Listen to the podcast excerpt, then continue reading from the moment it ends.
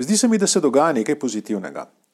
Do zdaj je bilo namreč normalno, da človek sredi noči vstane za pomemben športni dogodek, mogoče za Oskarje. No, ampak iz noči na, iz velikega petka na veliko soboto, kar nekaj ljudi v Evropi ni šlo spat, oziroma so zelo zgodaj vstali, da bi si ogledali intelektualni, rekli so mu, dvoboj stoletja. Če se izrazim po boksarsko, med našim Slavojem Žižkom v levem kotu in kanačanom Jordanom Petersonom v desnem. Nisem bil med tistimi, ki bi za to žrtvoval spanec, sem si pa zjutraj ogledal posnetek. Ampak že v tem uvodu sem se postavil na eno stran. Namreč stran, ki pravi, da je svet pretežno v redu, da gredo stvari na boljše. In stvari gredo na boljše. Vedno več ljudi ima vedno več hrane, zdravstva, stanovanj, izobraževanja in tako naprej. Po internetu gledajo debate intelektualcev in ne boksarskih dvobojev ali pocukranih zahvalnih govorov hollywoodskih zvezdnic. In mehanizem, ki izkoreninja revščino, je kapitalizem. Oziroma, kot manj zaboli v ušesu, socialno-tržno gospodarstvo. To je Petersonovo izhodišče, da je svet kar ok, posamezniki, da smo tisti, ki trpimo, pa ne iz sistemskih razlogov. Življenje, tako Peterson, je pač trpljenje. In če bi, ljudi, in če bi ljudje tu in tam pospravili sobo, torej spravili v red sebe in svojo okolico, bi bilo težav še manj. Vsak od nas lahko kaj naredi za boljši svet. Na drugi strani Žižek izhaja iz predpostavke, da drsimo proti apokalipsi. Luč na koncu tunela je morda vlak, ki prihaja nasproti. Pred katastrofo se lahko rešimo samo tako, da nekdo vzame vajeti v roke in mobilizira ljudi. Jih mobilizira okrog neke zgodbe. In zaradi zgodb bi se ljudje odpovedali svojim vrednotam, svobodi, morali, etiki in se podredili skupnosti. Za više dobro, bi jim rekli. Take zgodbe, pa naj bodo Hitlerjeve o judih ali desničarske o migrantih, po Žižkovo niso to, za kar se predstavljajo, ampak so simptomi globje krize kapitalizma, ki da ima patološko potrebo, da si mora take, da si mora take krize kar naprej izmišljati. Ampak prav taka zgodba bi bil lahko tudi marksizem, ki ga Žižek sicer ne prodaja več, ali pa podnebne spremembe, ki jih Žižek še prodaja. Skratka, da so ene zgodbe res, druge pa samo patološka potreba kapitalizma po krizah, to ne pije vode. Po Petersonovo krize kapitalizma ni. To ni idealen sistem, je pa najboljši od vseh, ki jih poznamo. Neenakost in hierarhije niso lastnost kapitalizma, ampak vseh človeških sistemov od pamti veka naprej. Neenakosti se pojavljajo v vsakem sistemu. Razlika da je samo v tem, da kapitalizem poleg neenakosti ustvarja še razvoj, ustvarja novo vrednost, ustvarja nove bogatstvo. Drugi sistemi pa tudi ustvarjajo neenakost in hierarhije.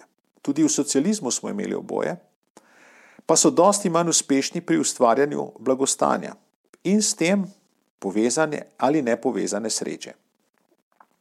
Debata, kot je bila zastavljena v Torontu, naslov je bil Sreča, kapitalizem proti komunizmu, je bila zastavljena nesrečno.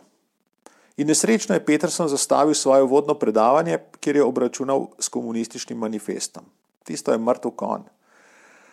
V ekonomski marksizem ne verjame skoraj nihče več. Inteligenca je zato iz ekonomskega marksizma presedlala na kulturni marksizem. Razvojni dosežki kapitalizma so bili preprosto preveč dobri. Izgovor, da se je Peterson vrnil k razmeroma berljivemu Marksu, bi bil lahko ta, da so levi misleci 20. stoletja morali ideologijo zapakirati v miselne akrobacije in nerazumljiv jezik, da bi nekaj, kar fundamentalno ne deluje, bilo vseeno uporabno za njihove akademske oziroma politične karijere. In Peterson morda ni imel volje, da bi se skozi tisto, kar Skruton imenuje mlatenje prazne slame, pregrizel. Žižek ni bil tipični marksist, ki ga je Peterson pričakoval, ampak to bi Peterson lahko vedel, če bi se na debato bolje pripravil. V uvodu se je Žižek odpovedal številnim dogmam leve misli, ki so v nasprotju z zdravo pametjo in bi bila izguba časa, da jih brani.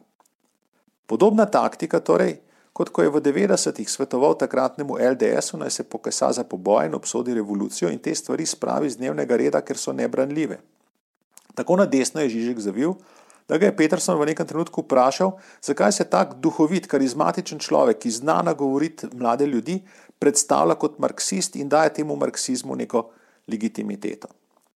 Žižek je dejansko povedal marsikaj, s čimer se lahko strinjamo. Naprimer, da je za enakost kot enakost priložnosti in ne enakost rezultatov. Da je za vlado ljudstva in ne diktaturo stroke ali tehnokracije. Da je oboje pomembno, družba in posameznik. In da je obkladanje ljudi s fašisti nesmiselno, da Trump ni fašist. Zdaj vemo, zakaj trda levica Žižka ne mara. Ena najboljših posledic te debate je, da so desni prisiljeni poslušati nekoga, ki je lev, in da so levi prisiljeni poslušati nekoga, ki je desen. In ugotovili bi, da si nismo tako daleč narazen. Res pa je tudi, da ne Peterson, ne Žižek nista skrajneža. Žižka si naprimer ne predstavlja kot ideologa slovenske skrajne levice in Peterson je veliko preveč razumen, da bi bil ideolog ligaške desnice. Začutiti je bilo, da poleg zahodne politične obstaja tudi neka intelektualno-filozofska sredina, ki lahko skrbi, da center obstane, da tista družbena os, ki nas drži skupaj, ne podleže sredobežnim silam, ki nas vlečejo na razen. Žižek je sicer trmoglavil, da so bili prebivalci Češko-Slovaške socialistične republike srečni. Peterson mu je potem odrecitiral znano korelacijo med srečo in bruto domačim proizvodom. Sta se pa strinjala, da sreča preskrbljenih ni sreča v hedonističnem smislu. Žižek pravi, da je treba najti v tem, da gre človeku za stvar, naprimer za podnebje ali za razredni boj ali za pravice neke manjšine. Peterson je bil širši, da gre za smisel in strinjala sta se, da je sreča nekaj, kar je stranski produkt nečesa drugega, da se torej ne smemo boriti za srečo kot tako, ampak za smisel, tako Peterson po zgledu Viktorja Frankla, oziroma da nam gre za stvar, tako Slavo Žižek. Žižek zagovarja več regulacije, češ kapitalizem se ne bo uredil sam, ne bo razrešil problema digitalizacije, transhumanizma, demografije, podnebja. Petersona pa je strah velikih sistemskih rešitev, kjer lahko pride do velikih sistemskih napak. Inženirjem družbe tudi Marksu Peterson očita intelektualni narcisizem, da ne pomislijo na grozljive posledice, če so njihove teorije o družbi in njihovi recepti za popravljanje te družbe napačne. In skoraj vse ideje o družbi, Peterson pravi, da so napačne. Prav je tisto, kar je oblikovala družbena evolucija, saj je preizkušeno skozi stoletja in očitno deluje. Če so napačne Petersonove ideje, kako naj si posameznik pomaga, bo v težavah par posameznikov. Če so napačne sistemske ideje, kako urediti svet, bo v težavah pol sveta. Naprimer, cela Rusija, celih 70 let, cela Kitajska, 40 let. Da bi si imela še veliko povedati in povsem primerno prazniku, namreč velike, veliki noči, v času katerega je tekla ta diskusija, eh, kaže pogovor, ki sta ga začela o Kristusovih besedah na križu. Namreč v istih besedah, Moj Bog, moj Bog, zakaj si me zapustil? Vprašanje, ki je obviselo v zraku, je, ali je to tisti trenutek, ko je bil Kristus ateist, ko je bil Kristus najbolj človek, ko je bil najbolj človeški. Ali je to tista točka, na kateri krščanstvo kot religija stopi ven iz sebe, naredi distanco sama od sebe in se s to distanco odpre človeku v premislek skupaj s svetom, ki sta ga v uporabo dobila Adam in Eva. Ko smo bili lani po predavanjih S Petersonom na kosilu smo ga provocirali o duelu z Žižkom. Želeli smo, da bi bilo to v Ljubljani. Njegov družbi je omenil, da bi Peterson brez težav zmagal. Ognjevito se je umešal, češ sploh ne gre za to, kdo zmaga. Gre za to, da pokaževa, da se lahko pogovarjava. In to sta ta vikend v Torontu pokazala. Če se lahko pogovarjata